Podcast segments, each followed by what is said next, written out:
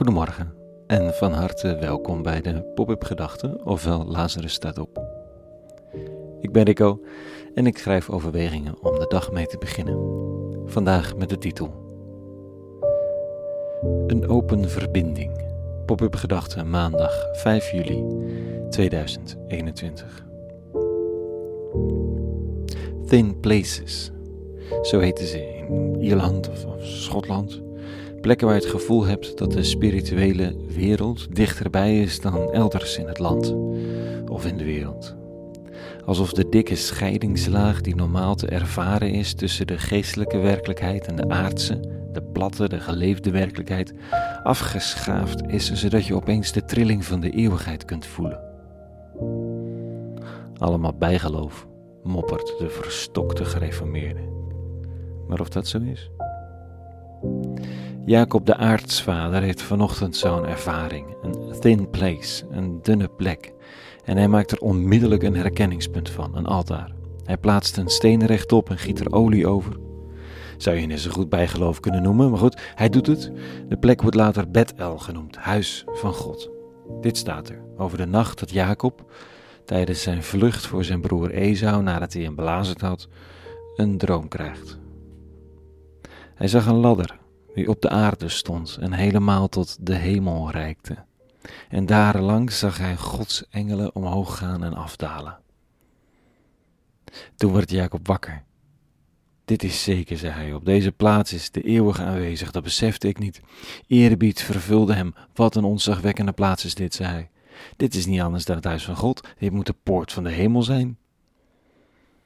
De volgende morgen vroeg zette Jacob de steen die hij als hoofdsteun had gebruikt rechtop en wijde hem door er olie over uit te gieten. Misschien had Jacob een wat grotere steen moeten kiezen dan die waar hij zijn hoofd op had gelegd, want het battle waar het over gaat is heden ten dagen niet meer te vinden. Voor Jacob was het duidelijk, dit was een thin place, een plek waar de hemel de aarde raakt. Er is wel een laddertje nodig, maar verder niks. Wat een ontzagwekkende plaats. Het geeft de burger moed, zeker als je op de vlucht bent en de stem die klinkt bij de trap is geruststellend en zegt mooie dingen over zijn toekomst.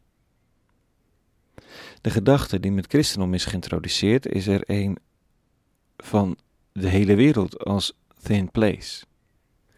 Dat overal de werkelijkheid van de eeuwige, de spirituele werkelijkheid die onlosmakelijk verbonden is aan de aardse werkelijkheid, te ervaren is. Dat tempels en heilige plaatsen mooie reminders zijn, maar niet meer dan dat. Er is niet meer goddelijkheid te vinden in een eeuwenoude gebedsplek dan in mijn tuinhuis, of het huisje in het centrum, of kantoor, omdat de eeuwige onder de mensen woont, dat de geest over de aarde waait. Er hoeft niet opgeklommen te worden, trappen zijn overbodig, halsbrekende toeren eveneens. De werkelijkheid die de natuurkunde niet kan meten, maar van we, van we allemaal wel eens voelen dat die ergens is, dat iets van het iets is met de geest van de eeuwige, het leeft in en onder ons en is bereikbaar. Ook even in de koffiepauze. Het vergt hoogstens wat oefening om het te zien en het te blijven zien. Oké, en dan? Wat levert dat op? Nou, vooral ontzag. Ontzag voor de gekste en gewoonste plekken. Wat een ontzagwekkende plaats is dit, zegt Jacob.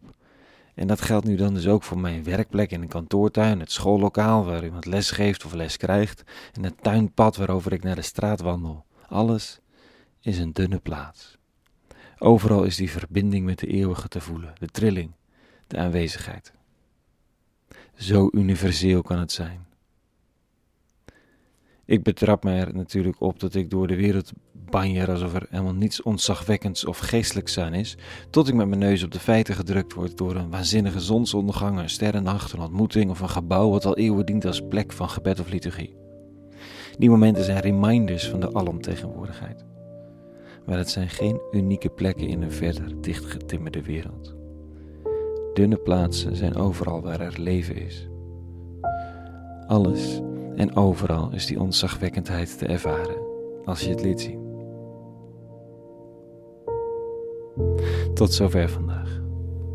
Een hele goede maandag gewenst. En vrede. En alle goeds.